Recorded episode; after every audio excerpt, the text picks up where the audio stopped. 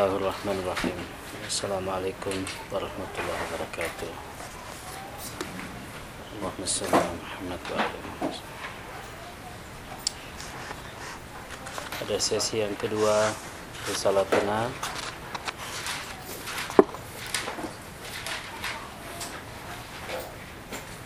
Judulnya Islam dan para mubalik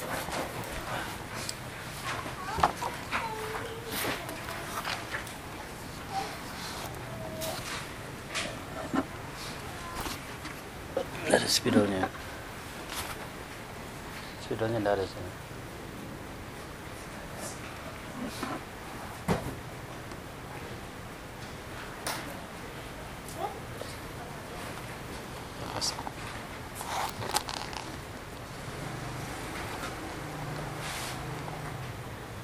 Kita kemarin membahas bahwa analisis kebangkitan atau eh, bagaimana kita mengenali uh, sebuah masyarakat yang dapat dibangkitkan uh, ke arah yang lebih baik.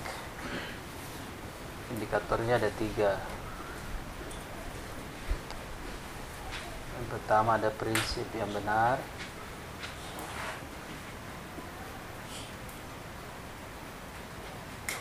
Kemudian pemahaman.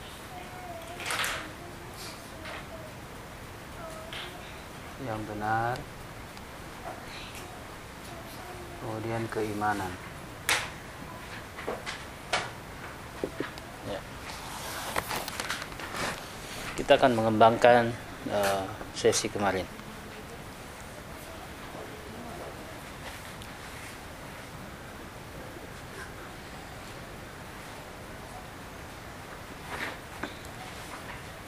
Salah satu kekhasan pandangan dunia Islam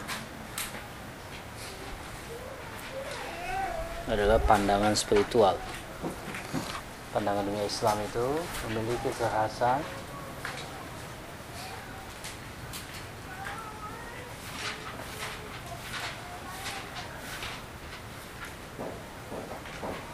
kekhasan pandangan dunia ini berkaitan dengan hal-hal yang spiritual.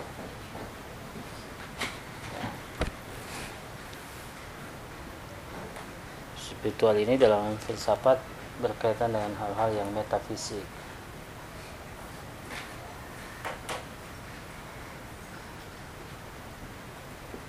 Hubungannya dengan fisika.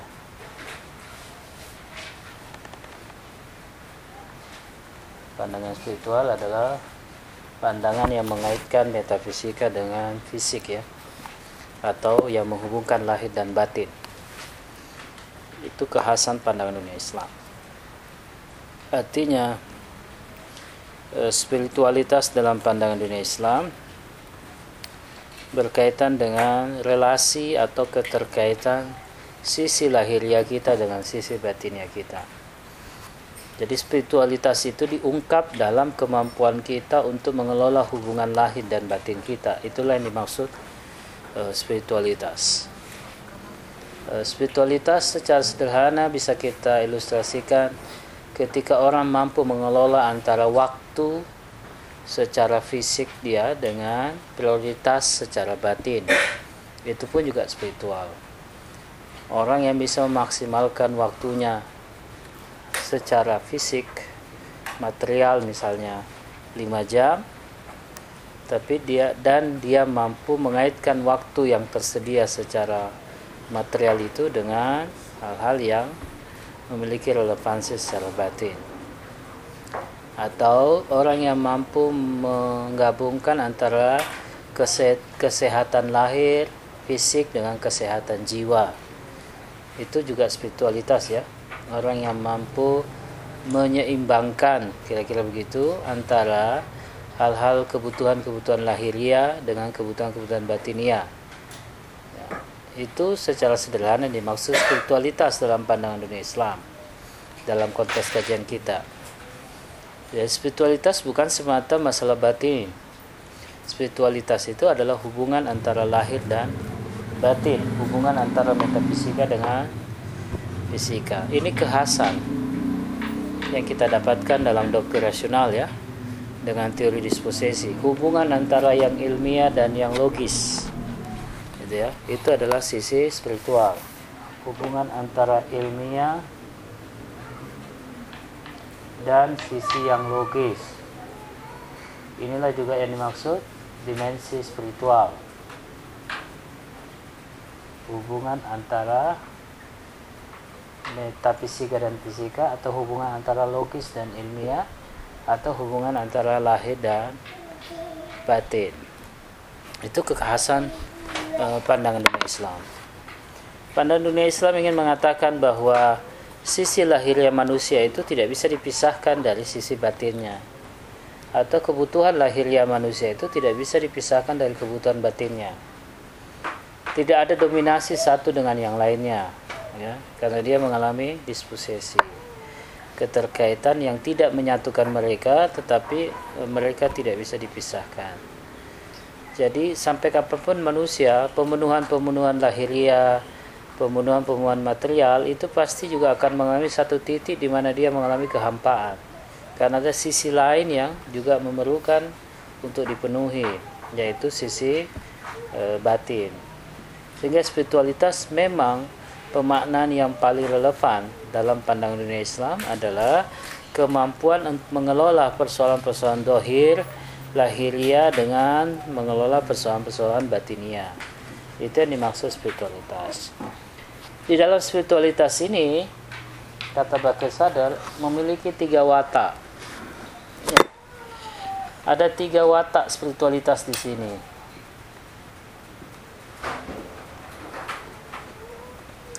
Watak yang memiliki keyakinan yang mutlak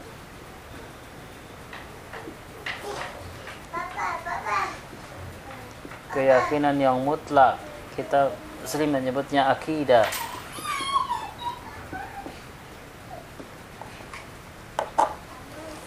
Yang kedua uh, harapan.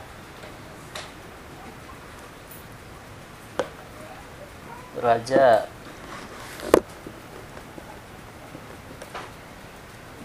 Kemudian uh, pribadi ya kepentingan pribadi.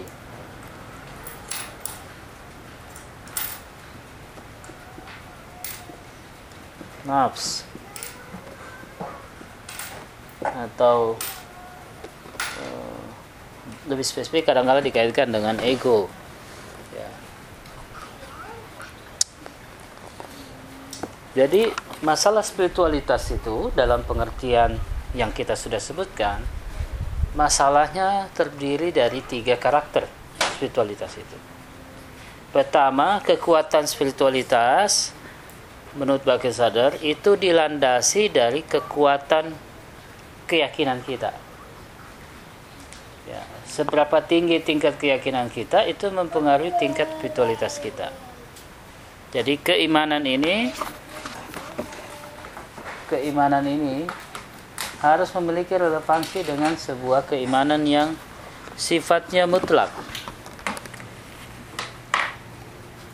Kenapa kita kaitkan demikian? Karena hal-hal yang mutlak itu dalam doktrin rasional sesuatu yang niscaya. Ya. Tidak mungkin kita menolak adanya hal-hal yang mutlak. Sebagaimana kita mengakui adanya hal-hal yang relatif di alam, kita pun juga meyakini adanya hal-hal yang mutlak. Jadi karakteristik spiritualitas kita itu dipengaruhi dengan kekuatan keyakinan kita. Ya. Tentu keyakinan ini yang dibangun dari pemahaman, seperti yang kita sudah jelaskan ya. Keyakinan ini dibangun dari pemahaman yang benar. Bukan sebuah keyakinan yang terpisah dari pemahaman. Itu sudah jelas ya nah, kemarin. Nah karena itu keyakinan yang mutlak ini salah satu karakteristik spiritualitas yang penting. Jadi apa saja yang tidak disandarkan kepada sesuatu yang mutlak itu akan membuat spiritualitas kita ini gamang. Ya. Spirit kita melemah. Kenapa? Karena kita tidak punya kepastian atas sebuah pandangan. Ya. Apa saja kalau pandangan-pandangan itu tidak memastikan kita, pasti kita akan terganggu secara spirit. Ya gitu, gitu ya. Secara spirit kita menjadi lemah karena kita tidak dapat kepastian. Orang pasti butuh kepastian. Secara instinktif, secara fitrawi, keinginan untuk mendapatkan kepastian itu adalah keinginan yang eksistensial yang tidak bisa dipisahkan dari uh, diri manusia. Nah, keinginan-keinginan yang mutlak inilah apa maaf keyakinan-keyakinan yang mutlak ini menjadi dasar spiritualitas. Jadi spiritualitas itu bukan sesuatu yang muncul dari ketidakpastian. Ya. Tetapi justru dari sebuah kepastian. Kalau spiritualitas di barat, dia lari kepada Kristus karena menemukan banyak ketidakpastian. Sehingga dia mau mencari yang pasti. Yang pasti pun itu tidak pernah dipastikan dalam pemahaman. Hanya mencoba lari dari satu kenyataan kepada kenyataan yang lain. Ya, siapa tahu di situ ada hal yang pasti. Ya, nanti sudah ditolak di sini dia coba cari yang lain misalnya. Ditolak di satu kantor, misalnya dia tidak dapat kepastian, dia mencoba masuk kepada uh, kantor lain misalnya untuk mendapat kepastian. Begitu juga ketika dia tidak pasti nilainya, dia akan mencari juga uh, apa namanya nilai-nilai lain yang bisa memastikan. Itu keyakinan yang mutlak. Keharusan dalam sebuah pandangan dunia agama itu sampai kepada mutlak. Apa saja ya. Dalam sebuah pandangan kalau dia tidak sampai kepada pandangan mutlak, maka ideologinya tidak memiliki landasan epistemologi karena ideologi itu bagian penting dari apa yang dituju sebuah pengetahuan. Apa sih yang dimaksud ideologi? Idea ya, logos tentang idea ya. Jadi idea-idea itu memiliki atribut ya, memiliki satu sandaran dalam pikiran kita untuk dikaitkan dengan hal-hal yang uh, mutlak.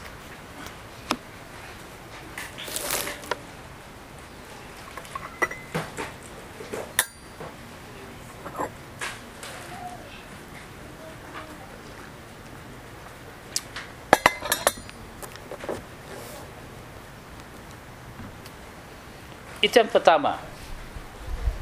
Agar kita punya tanda petik pegangan spiritualitas yang lebih baik dalam menjelaskan keterkaitan antara sisi lahir dan sisi batin kita tentu kita harus sampaikan keimanan kita kepada dasar atau prinsip-prinsip yang mutlak. Dan itu harus dicapai melalui pemahaman. Itu jelasnya ya. Secara fitrah kita menuntut kepastian jadi kalau kita tidak mendapatkan kepastian, itu bertentangan dengan fitrah kita. Pasti kita ingin kepastian. Orang tidak mau hidup dalam ketidakpastian. Di dalam fisika ketidakpastian itu bikin bikin chaos. Ketidakpastian cuaca membuat petani kemarin kita saya nonton di TV eh, petani sedih karena gagal panen. Ya. Karena tumbuh hujan deras Ya, mestinya dia sudah harus panen, sudah tapi belum terlalu kuning gitu ya. Tapi sudah kerendam air. Kalau tidak dicabut segera rusak. Itu gagal panen namanya akibat ketidakpastian cuaca. Nah, hidup dalam ketidakpastian itu menjauhi sebuah doktrin-doktrin kemutlakan. Jadi sebuah pandangan dunia yang tidak sampai kepada ideologi yang bersifat pasti, ya sepertilah kehidupan kita yang ada dalam ketidakpastian. Ketidakpastian status kita misalnya sebagai mahasiswa. Apakah kita ini masih diperpanjang statusnya atau sudah di DO? Maaf kalau Muhammad tersinggung. Ya, apakah kita e, berada dalam kepastian seperti itu? Dalam hal apa saja ya? Ketidakpastian itu sangat membahayakan ideologis. Ideologi ini yang kita masukkan sebuah pandangan dunia Ya. Ideologi yang kita maksudkan adalah sebuah relevansi pemikiran dengan keyakinan yang dicapai secara mutlak. Orang butuh kepastian. Jadi kepastian itulah yang menunjang spiritualitas. Spirit ya. Kalau kita ambil arti secara sederhana, spirit. Kalau kita ambil lebih lebih praktis lagi, kita lebih punya motivasi kalau sesuatu itu pasti. E, besok ya saya transfer. Wah ya kita sudah punya kepastian gitu. ya, rasanya mau menunggu pagi itu dengan sebuah optimisme yang luar biasa. Tapi kalau ini kapan transfer? Tunggu dulu saya cek ya dua tiga hari. Rasanya gimana hidup dalam ketidakpastian? Mau bangun tidak bangun semua dalam ketidakpastian kan? Ya, itu yang dituntut manusia sebuah kepastian. Dan kita sangat berat membiarkan situasi seperti itu. Lain dalam konteks pendidikan ya, kita dilatih itu lain. Tapi dalam kehidupan-kehidupan sehari-hari kita butuh itu kepastian. Ketidakpastian ekonomi, ketidakpastian cuaca, ya. Menjadi dilematis. Ya. Orang-orang yang tidak dapatkan um, apa namanya? Uh, THR-nya misalnya kalau mau lebaran ini kapan ini kan jadi orang tidak pasti mau ngapa-ngapain itu tidak jelas itu spirit. Betapa spiritualitas di dalam gerakan itu menjadi penting. Karena itu bisa menstabilkan kita. Kalau kita tidak punya daya tahan di dalam gerakan itu pasti ada kelemahan dalam spiritualitas. Dan spiritualitas kita menjadi goyah itu secara teoritis tentunya oleh karena apa yang kita pilih sebagai jalan gerakan itu, kita tidak mempunyai kepastian bahwa memang kita akan hidup di sini. Kalau uh, bahasa yang populer, kita tidak punya passion, itu tidak bisa kan ya. Kita bekerja bukan passion kita, itu kita tidak bisa melakukan apa-apa. Atau misalnya kita uh, menulis, tapi kita tidak punya passion dalam menulis, kita tidak jadi menulis. Tapi kalau kita sudah punya passion, mungkin setiap jam kita bikin status terus. Akibat kita sudah menjiwai e, menulis itu. Nah, teman-teman yang berada dalam level gerakan intelektual, seperti yang kita bahas di sesi kemarin, kita memerlukan satu daya tahan spiritualitas. Karena spiritualitas itulah yang mampu mem memampukan kita mengaitkan antara kehidupan lahir dan batin kita. Dan salah satu karakternya adalah kita memiliki keyakinan yang mutlak. Kalau dalam konteks Islam tentu akidah, ya. Orang punya keyakinan yang mutlak, tapi akidah yang disandarkan kepada pemahaman yang benar.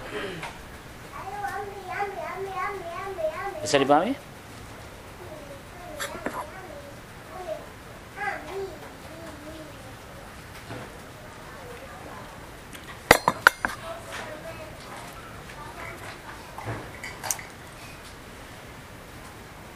Kemudian yang kedua, karakter spiritualitas itu ditentukan juga oleh harapan. Ya, karena kita punya keyakinan, punya kepastian, tentu yang timbul harapan.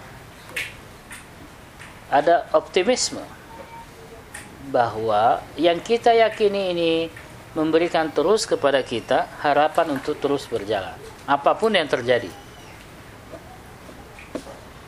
Indikator apakah keyakinan itu layak dipertahankan secara mutlak diindikasikan dengan kemampuan sebuah keyakinan, sebuah ideologi memberikan kepada kita harapan, antusiasme. Dalam gerakan begitu. Orang tidak punya harapan dalam gerakan ya seadanya saja. Indikasi yang sebelumnya adalah sebuah keyakinan. Itu yang menjaga spirit kita.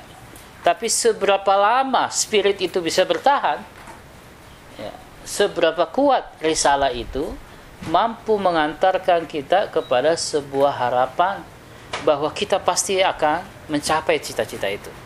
Dari mana dasarnya? Bahwa kita akan memenuhi apa yang dicita-citakan lewat sebuah ideologi. Ideologi itu kan membangun sebuah cita-cita ya. Ideologi itu membangun sebuah optimisme. Ya. Nah, kalau watak spiritualitas kita tidak punya daya tahan, maka kemungkinan yang kedua, sekalipun kita meyakininya, eh, sebuah pemikiran itu bisa kita yakini, atau sebuah ajaran itu bisa kita yakini, persoalan yang kedua, seberapa besar keyakinan itu memberikan harapan kepada kita. Ya, biasanya kan harapan itu muncul di awal ya. Nah, seberapa lama harapan itu bisa bertahan? Kalau kecenderungan e, gerakan kita, harapan kita semakin melemah, lain dengan dinamika ya. Kalau dinamika itu lain. Tapi kecenderungan kita semakin lama semakin menguat terhadap apa yang kita pilih, maka e, sebuah pemikiran itu memang memberikan harapan kepada kita. Tapi kalau semakin hari semakin melemah, semakin melemah, itu indikasi bahwa apa yang kita yakini secara mutlak ini tidak memiliki kelayakan untuk memberikan kepada kita sebuah harapan. Padahal keyakinan itu mestinya memberikan kepada orang optimisme, harapan. Karena dicapai secara mutlak.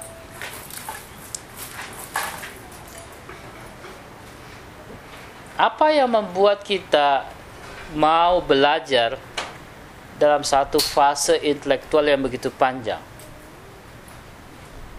Seberapa kuat kita bertahan dengan sebuah fase pembinaan, satu fase pendidikan yang begitu panjang. Dan kenapa kita mau bertahan di situ? Kita tidak bicara setahun, kita tidak bicara dua tahun, kita bicara sepuluh, kita bicara lima belas tahun, kita bicara dua puluh tahun seberapa? Ya. orang menanam e, misalnya jati saja itu nanam berapa puluh tahun baru bisa dapat hasil ya. Nah ini kita mau membesarkan manusia. Mau menjadikan seorang manusia kita butuh ketabahan dan kesabaran 21 tahun seperti yang kita jelaskan kemarin. Apa yang membuat kita bisa punya harapan yang panjang? Ya. Level pandangan dunia apa yang bisa memberikan cadangan harapan yang begitu panjang 21 tahun ya. Dan berharap dalam waktu yang lama 21 tahun. Di zaman yang sekarang serba instan. Orang kalau sudah tanam jati ya sudah 10 tahun 15 tahun. Kelihatan itu. Jangan itu nanam yang 6 bulan saja kita udah mikir. Lama betul. Ya. belum sampai 6 bulan ini hasilnya sudah habis dibagi. Mau beli ini mau beli ini belum beli. Belum dipanen sudah keluar semua nih. Ya.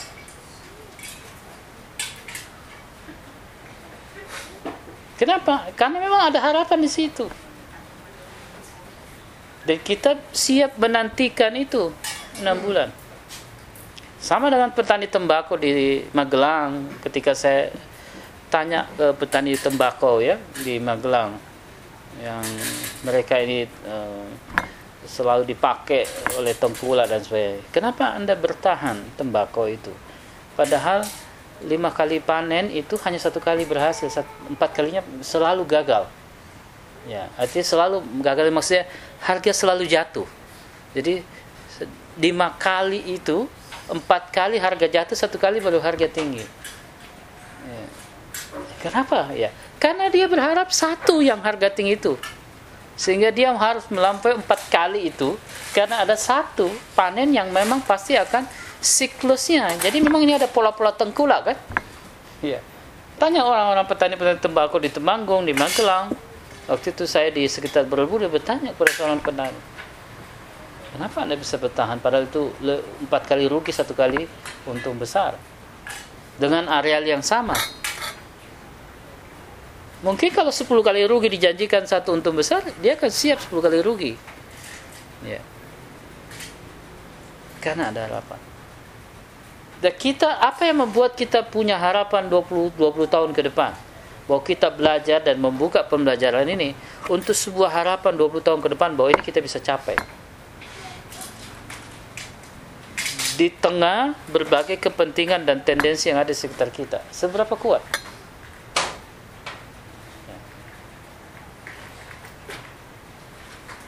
Salah satu santri um, tadi memposting Mbak Rofi itu ya memposting tulisan ontologi. Di tag ke saya. Ditanggapi teman-temannya dibully teman-temannya ya. Seberapa dia bisa bertahan dengan tekanan-tekanan begitu? Wah ini aliran apa lagi ini? Macam-macam dia dibully di situ saya baca. Tapi dia sabar aja menjawabnya. Kenapa dia bisa bertahan begitu? Karena pasti ada sebuah harapan seberapa kuat kita bisa menghadapi tekanan yang panjang ya bukan bukan bukan dalam waktu yang singkat apa yang membuat kita punya harapan bahwa kita akan masuk surga Dan kenapa kita bisa mempunyai daya tahan untuk bertahan hidup? Karena sebuah harapan bahwa kematian kelak, investasi kehidupan saya yang ada sekarang ini memiliki kelayakan untuk masuk surga. Apakah kita punya harapan untuk masuk surga? Dari mana harapan itu kita bangun? Dari sebuah keyakinan. Keyakinan itu kita ambil dari mana? Dari sebuah pemahaman. Apa yang ada dalam keyakinan kita? Janji Allah tentang surga akan diberikan dengan orang yang seperti ini A, B, C, D, D dan sebagainya. Allah tidak pernah melihat hasil. Allah melihat perjuangan usaha kita, ikhtiar kita. Apa kita tidak punya harapan? Allah memberikan janji, begitu banyak janjinya Allah atas orang-orang yang berilmu. Yarfa'illahu alladziina amanu minkum walladziina utul ilma darajat. Orang-orang yang berilmu naik derajatnya. Nah, seberapa besar kita mau bertahan 20 tahun dalam fase panjang ini mengembangkan kapasitas keilmuan kita. Di tengah tuntutan-tuntutan yang begitu besar. Ya, orang punya anak satu, lahir satu, sakit orang. Lahir dua sakit tambah sakit lagi orang sekarang ini. Tapi lahir terus anaknya aja. Lahir tiga tambah sakit. Minum susu sekolah anak empat tambah sakit. Apa yang membuat orang bahwa kelahiran anak itu sebuah berkah buat kita? Begini juga dalam sebuah gerakan ya. Apa yang membuat gerakan kita ini memiliki daya tahan untuk memenuhi harapan kita yang begitu besar terhadap hidup ini. Padahal dalam kehidupan intelektual capaian materialnya apa sih begini? Jadi kenapa kita mau bertahan? Apa yang kita bisa dapat? Popularitas nggak ada, misalnya begitu ya. Kemudian anda ke sini di sini tidak ada uang yang didapat, tapi kenapa punya optimisme untuk ke sini, bahkan mengeluarkan biaya, waktu dan mungkin meninggalkan kuliahnya? Tentu kan ada harapan. Nah, seberapa lama harapan itu bisa kita pertahankan? Nah, begitu juga dalam pandangan Bakir Sadar. Orang yang bergerak di level dakwah, di level gerakan ini, dia harus punya harapan tingkatannya sebanding dengan hidupnya yang panjang. Bahwa gerakan ini long life. Sebuah gerakan yang bersifat jangka panjang.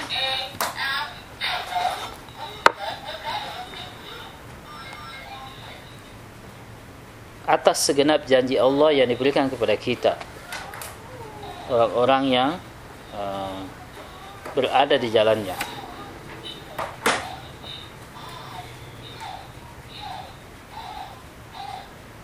Ada orang hidup matinya untuk memperjuangkan organisasinya.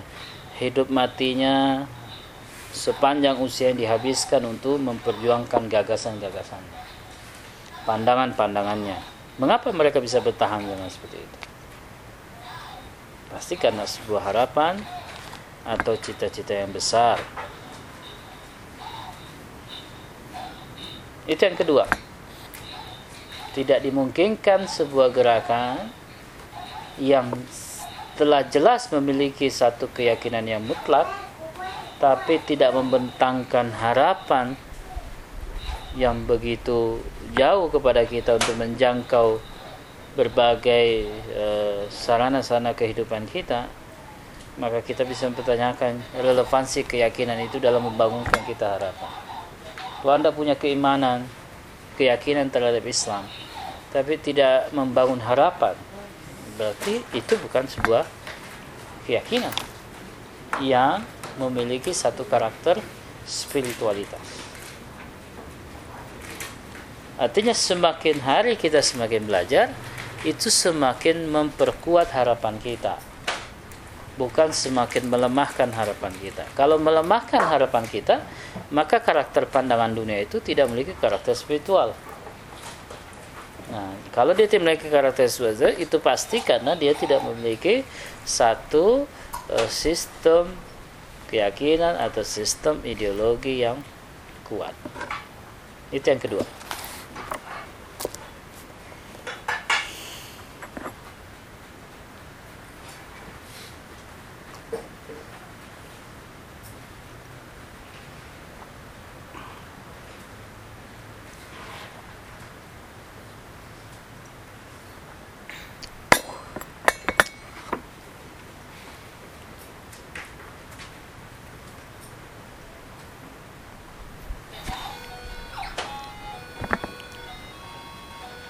Depan mungkin ada seorang suami istri yang mau berkonsultasi.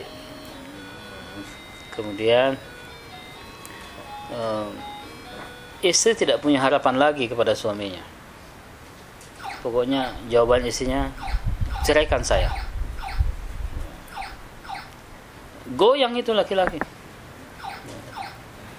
Tapi dia terus berharap. Udah goyang loh dalam goyangnya itu kenapa dia bisa punya harapan terus ya?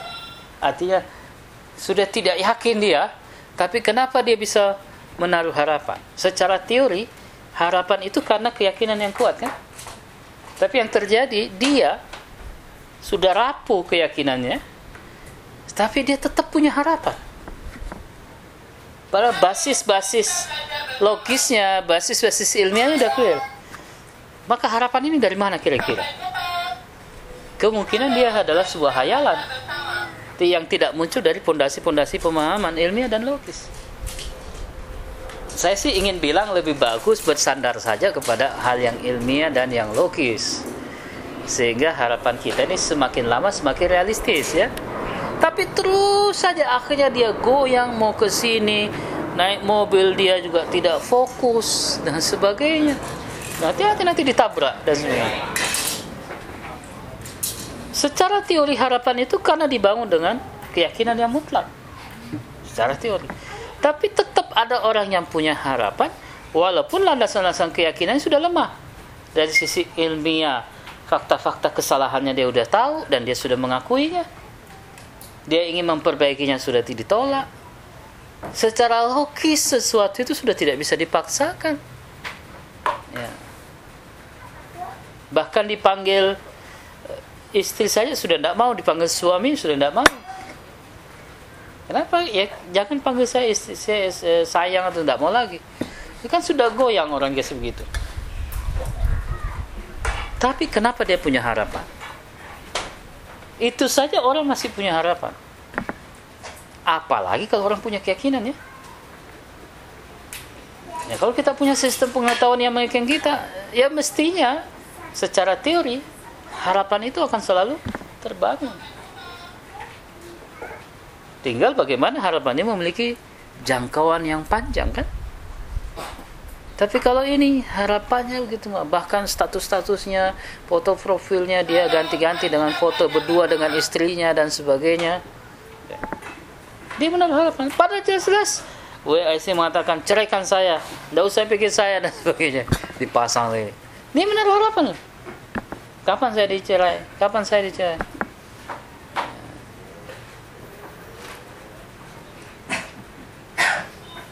Nah, sejak dia terus membangun harapan, maka saya bilang, ya taruh waktunya antum pasang uh, harapan tiga bulan aja dulu. Bikin indikator tiga bulan, diukur kan progresnya. Minggu pertama bagaimana dicatat. Minggu kedua bagaimana dicatat. Minggu ketiga. Jangan lupa catatan-catatan ini selalu membangun harapan. Catatan-catatan udah merah terus. Artinya kita bisa bisa mengevaluasi harapan itu memiliki satu pondasi-pondasi. Berharap bisa sarjana boleh saja. Tapi kalau tidak ada tanda-tanda mau selesaikan, harapan itu dari mana?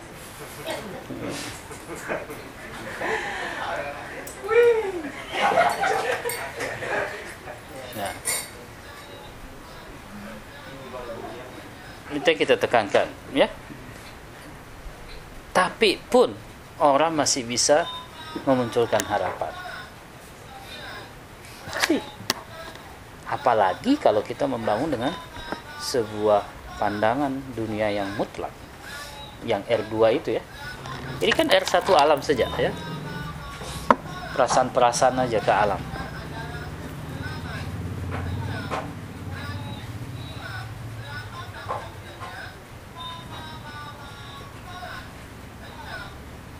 tapi bisa orang punya harapan tapi seberapa dia punya jangkauan kalau dia tidak membangun satu sistem keyakinan. Jadi harapan ini perlu dibuat lebih rasional, perlu dibuat lebih objektif. Kenapa? Karena masih banyak hal yang bisa kita kerjakan, masih banyak optimisme yang bisa kita bangun, ya. kita memang bisa gagal tapi kita tidak boleh larut di situ kan? Masih banyak. Ya. bukan sesuatu yang mudah sekedar kita bicarakan ini bukan sesuatu yang mudah. Nah, kepentingan kita di sini ketika teman-teman membangun gerakan ini gerakan ini long life sepanjang umur kita. Gerakan kita masuk gerakan bangun keluarga ya. Ini Jakfi ini tidak ada yang gerakan masyarakat dari gerakan keluarga lebih realistis saja seberapa kita punya kekuatan untuk membangun keluarga kita? Merawat anak-anak kita membesarkan anak kita sampai di usia 21 tahun. Harapan itu dari mana? Udah pontang panting kita. Cari nafkah ya. Eh, macam-macam macam-macam yang muncul.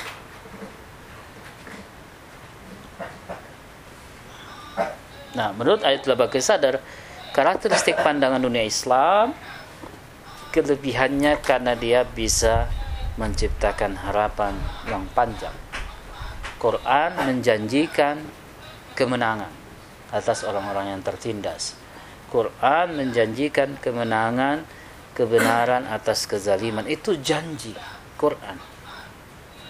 Berdasarkan pemahaman kita dan prinsip yang kita yakini bahwa ini semua tidak mungkin lepas dari sebuah sistem pandangan dunia ilahiyah dan dan karenanya wahyu itu menjadi bagian dari sistem pandangan dunia ilahiyah maka kita punya optimisme itu. Siapa yang bertakwa diberikan jalan keluar. Ada harapan. Allah memberikan rezeki kepada kita dari jalan yang tidak diduga. Itu janji Allah. Apakah kita pesimis berarti kita sudah sudah apa namanya menganggap rendah itu Tuhan ya. Segenap dengan segenap janjinya. Janji kebaikan janji jalan keluar atas segenap permasalahan kita. Quran. Hal-hal yang umum saja seperti yang kita katakan orang kok bisa punya optimisme ya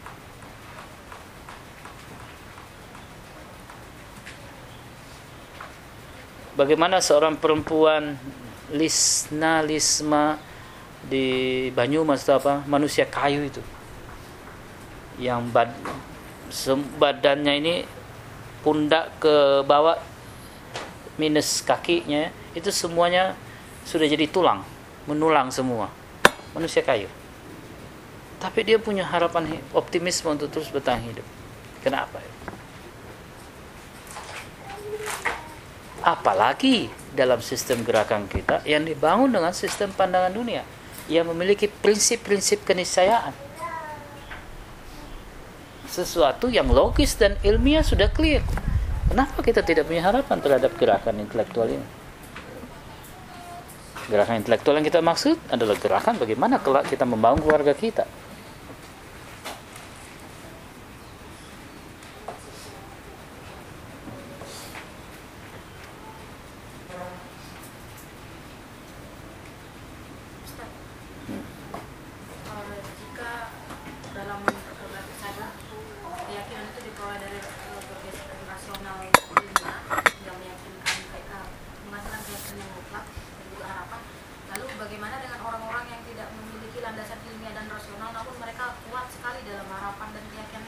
Makanya saya bilang itu bisa terjadi.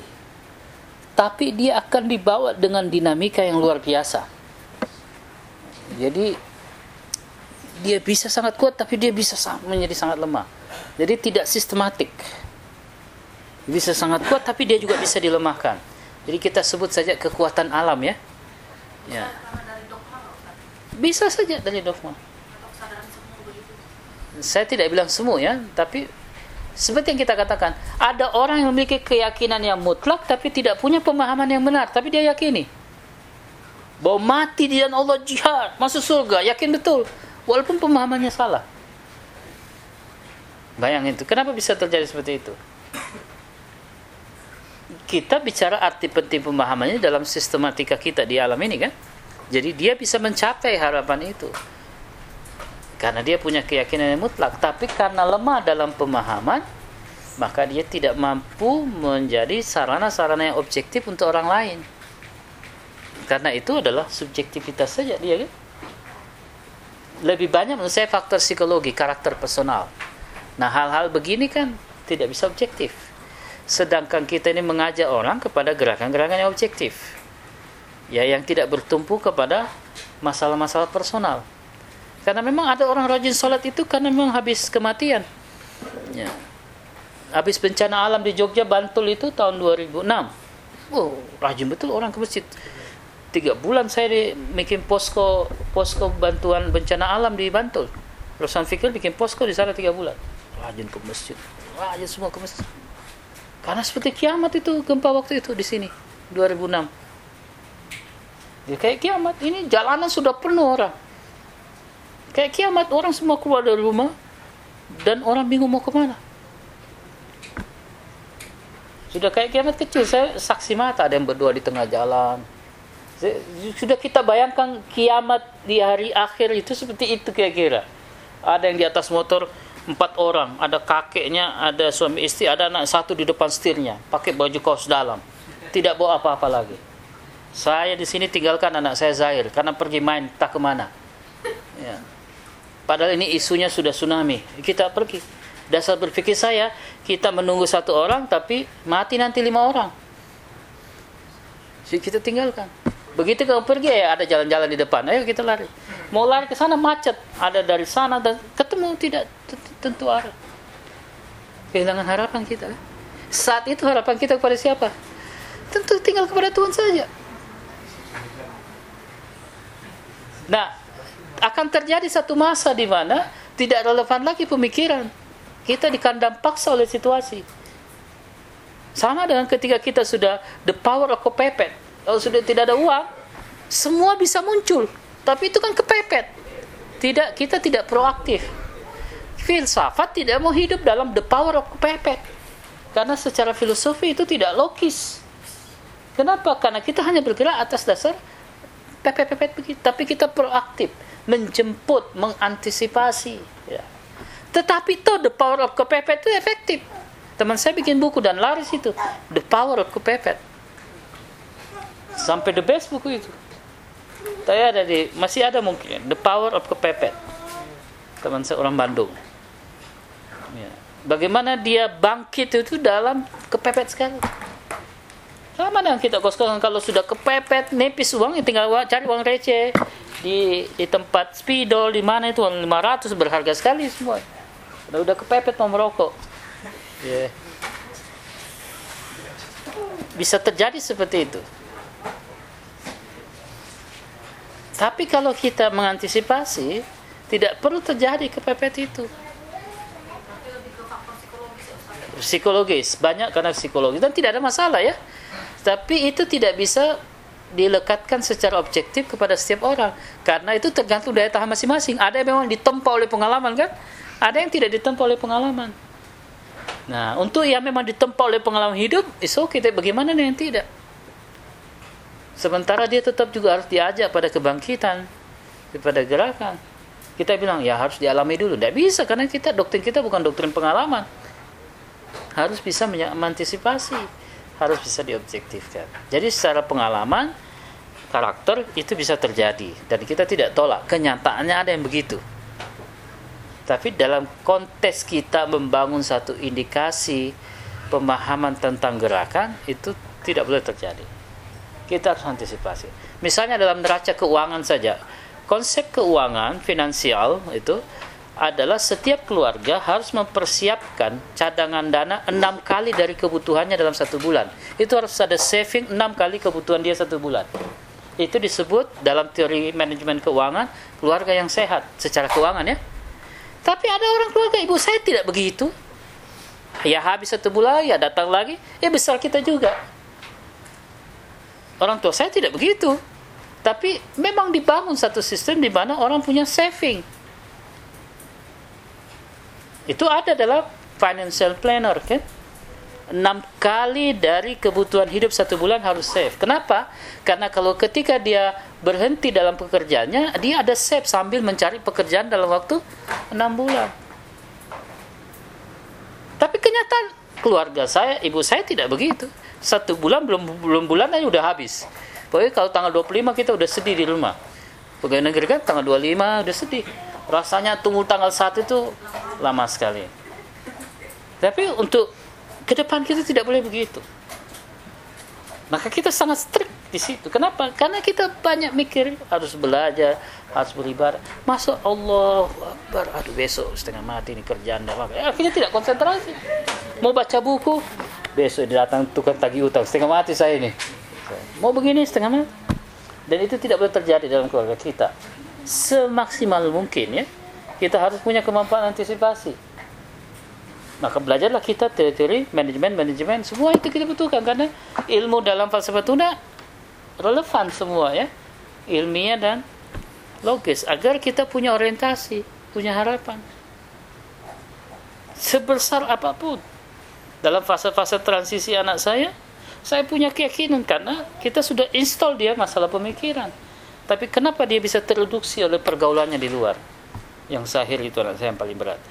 Yang saya alami cukup lama. Hampir satu setengah tahun saya mengalami dinamika. Kalau kakaknya hanya enam bulan. Ini besar. Karena begitu stabil di rumah keluar direduksi lagi di luar. Jogja ini ada lagi yang meninggal keliti ya begal kalau di Makassar sebagainya. Jadi sistematis sekali ini pengerusakan generasi di luar. Saya diskusi dengan gurunya sistematis pak. Kita tidak mengerti. Seperti ada yang mengelola ini anak-anak di luar. Kan sekarang anak-anak remaja ini kan menjual narkoba ya semua kan dengan dicoba begini macam-macam. Seberapa siap kita menghadapi ini Jakarta tawuran tiga anak SMA lagi tewas. Jogja kemarin ada yang meninggal lagi. Ya. kan ini yang menjadi soal. Sifat pemikiran kita adalah antisipatif bukan reaksioner. Kalau reaksi kita udah punya pengalaman. The power of kepepet saya juga dibesarkan oleh orang tua bagaimana situasi kepepet kita tetap bisa survival ya. Itu tidak perlu dibahas. Karena itu instinktif ya dalam orang yang dalam mengalami pressure yang luar pressure yang luar biasa seperti kerja tugas begitu saya dulu ujian juga begitu injury time semakin dekat ujian baru belajar karena kalau jauh kita belum bisa muncul kekuatannya untuk memahami tapi kalau sudah pagi baru belajar, rasanya cepat sekali masuk. Gitu. Itu the power of kepepet kan? Karena kita kerahkan semua energi kita. Nah, kita membangun satu orientasi bahwa sistematika pandangan itu selayaknya tidak seperti itu. Walaupun fakta-faktanya banyak yang bisa menjalani. Itu yang kedua. Yang ketiga, karakteristik spiritualitas uh, selain harapan itu bisa menjaga spirit kita, pandangan bisa menjaga. Yang ketiga, kepentingan pribadi kita juga uh, harus dilihat dalam seluruh orientasi itu. Kita misalnya mengatakan, saya berjuang ini semata-mata ikhlas demi Allah. Saya tidak punya kepentingan pribadi. Tidak mungkin. Tidak mungkin orang tidak punya kepentingan pribadi. Itu dasar pandangan dunia Islam. Karena itu pandangan dunia Islam mengatakan selesaikan pandang kepentingan pribadimu sebelum kau bicara kepentingan yang besar. Ini ikhlas demi Allah, kita berjuang demi Allah, tidak ada demi diri pribadi. Kalau demi pribadi pulang tidak perlu bawa amplop habis demo kan? Karena demi Allah kan? Tapi kan bagi-bagi amplop dan sebagainya. Berarti tetap ada kepentingan pribadi. Tidak salah ya. Orang butuh operasional ya. Orang butuh logistik ya. Itu biaya transport dan sebagainya. Artinya di dalam orientasi gerakan apa pun, kepentingan pribadi itu yang menunjang spirit kita.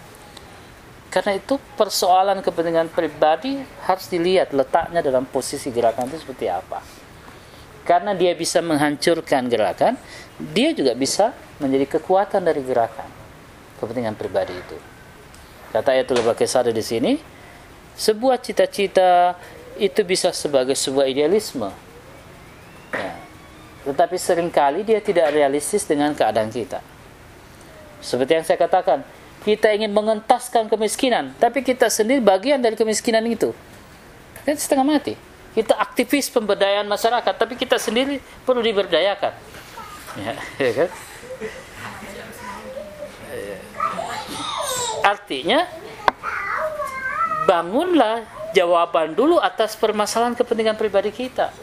Dirimu, keluargamu, baru masyarakat. Jangan dilampaui. Jadi kita memang punya kepentingan pribadi di sini untuk belajar, untuk memenuhi cita-cita kita itu kepentingan pribadi kita dan itu tidak salah. Kita tidak mau mematikan kepentingan pribadi kita. Kita punya tendensi secara pribadi. Apa kepentingan pribadi yang tertinggi dalam gerakan? Bahwa apa yang kita cita-citakan itu juga ada hasil yang dicapai. Jangan bicara gerakan ini semata-mata bahwa uh, apa namanya uh, demi Allah dan ikhlas. Ya, kita bekerja apa pun hasilnya itu terserah. Tapi harus ada hasil yang kita capai. Kita tidak menuntut hasil sebagai satu landasan awal, tapi setiap yang kita lakukan harus ada hasil, harus ada progres. Bukan berarti uh, pokoknya kita berikhtiar saja. Hasilnya itu terserah saja. Bukan berarti kita tidak memiliki orientasi pada hasil. Karena kepentingan pribadi kita menuntut hasil kan? Apa hasilmu belajar?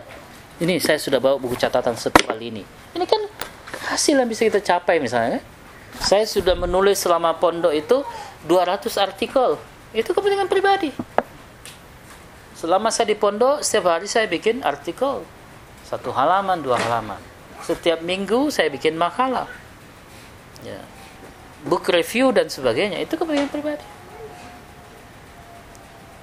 Jadi kita memang tidak berorientasi kepada hasil tapi hasil adalah bagian penting yang ingin dicapai oleh pribadi kita. Misalnya begini. Ya pokoknya saya menyatakan saja saya suka sama dia. Masalah dia setuju atau tidak terserah tapi saya harus menyatakan bahwa saya suka kepada si dia misalnya.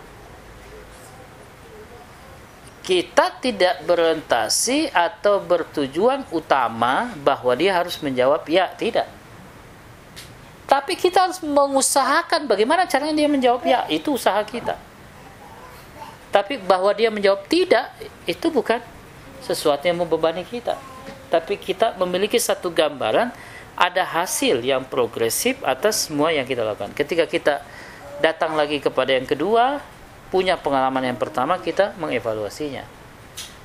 Jadi dalam gerakan secara spirit, spiritualitas ini tetap membutuhkan hasil, capaian.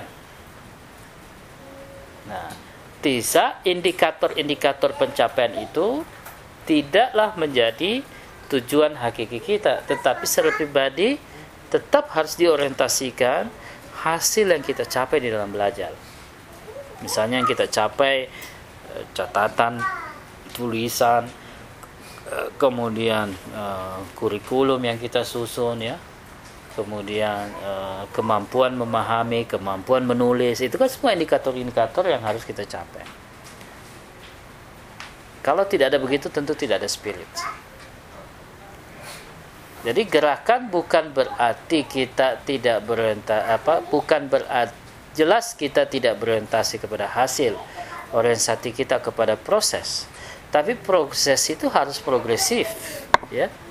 Harus ada capaian-capaian yang senantiasa kita ukur. Agama mengatakan hari ini harus lebih baik daripada kemarin. Dan besok harus lebih baik daripada hari ini. Itu kan capaian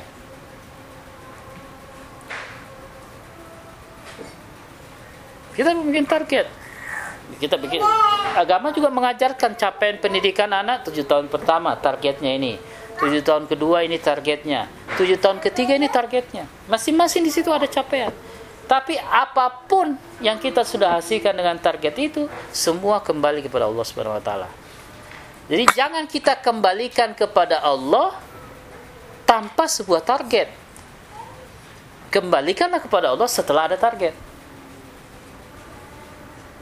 fa iza azamta dilengkapi semua azamtanya baru kita fatawakal Allah Allah ini sama sekali tidak berikhtiar sudah diserahkan pada Allah terserah Allah siapa saja yang mau ya. tetap harus ada target nanti Allah bilang kau sembarang juga siapa saja saya berarti kau saya yang mau nikah atau kamu yang mau nikah? Nanti siapa saja tidak seperti yang kamu inginkan. Tetap ada relevansi-relevansi pribadi kita kan? Ya Allah kalau bisa dia dari lain kampung misalnya. Ya Allah kalau bisa sih saya dapat yang seperti ini. Itu kan ada target. Jadi kepentingan pribadi adalah satu bagian yang tidak bisa terlepas dalam satu e, gerakan. Progresivitas gerakan ini juga secara spirit ya, spiritualitas itu juga ditentukan dengan kemampuan kita mencapai e, kepentingan-kepentingan pribadi kita. Nah, sisa bagaimana kepentingan itu berimpit kepada tujuan-tujuan yang tinggi dalam pandangan dunia ilahiyah kan? itu bagian yang menjadi penting dalam gerakan. Ayatullah Bakasar mengatakan begini. Bagaimana mendapatkan keridhaan Allah menjadi kepentingan pribadi kita yang tertinggi. Jadi kita tidak mau melepaskan capaian pribadi kita. Karena itu kita menjadi aktif, kita menjadi progresif. Ya. Kita membangun sesuatu itu semaksimal mungkin. Ada target. Target itu diukur dengan landasan-landasan ilmiah dan logis. Jelas itu ya. Harapan juga dibangun dari situ. Pada akhirnya eh, di dalam sistematika eh, gerakan yang kita ingin letakkan, kita memiliki tiga karakter itu secara spiritual. Kita bangun ini keyakinan kita yang mutlak atas agama. Yang kedua, agama itu memberikan kita harapan, optimisme. Siapa yang berada di jalan ini, Allah akan bersama dengan mereka.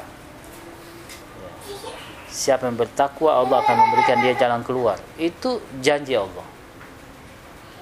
Yang benar akan mengalahkan yang batil.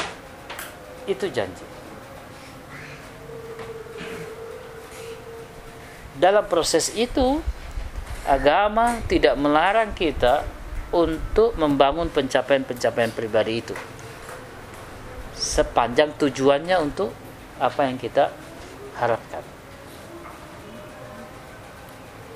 Jadi kita tidak menghentikan upaya-upaya kita untuk mencapai. Silahkan Anda mau beli rumah, Anda mau beli mobil, silahkan itu dicapai sebagai bagian penting dari tujuan Anda kepada cita-cita yang lebih besar.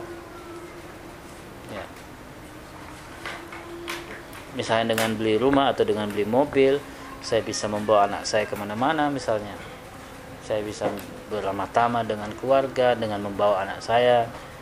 Kalau naik motor tentu saya akan mati tidak ada yang salah kalau mencapai kepentingan pribadi.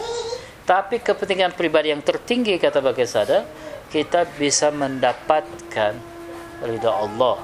Bagaimana ridha Allah itu menjadi kepentingan pribadi kita yang sangat besar. Itulah tujuan gerakan kita. Silahkan bertanya ya.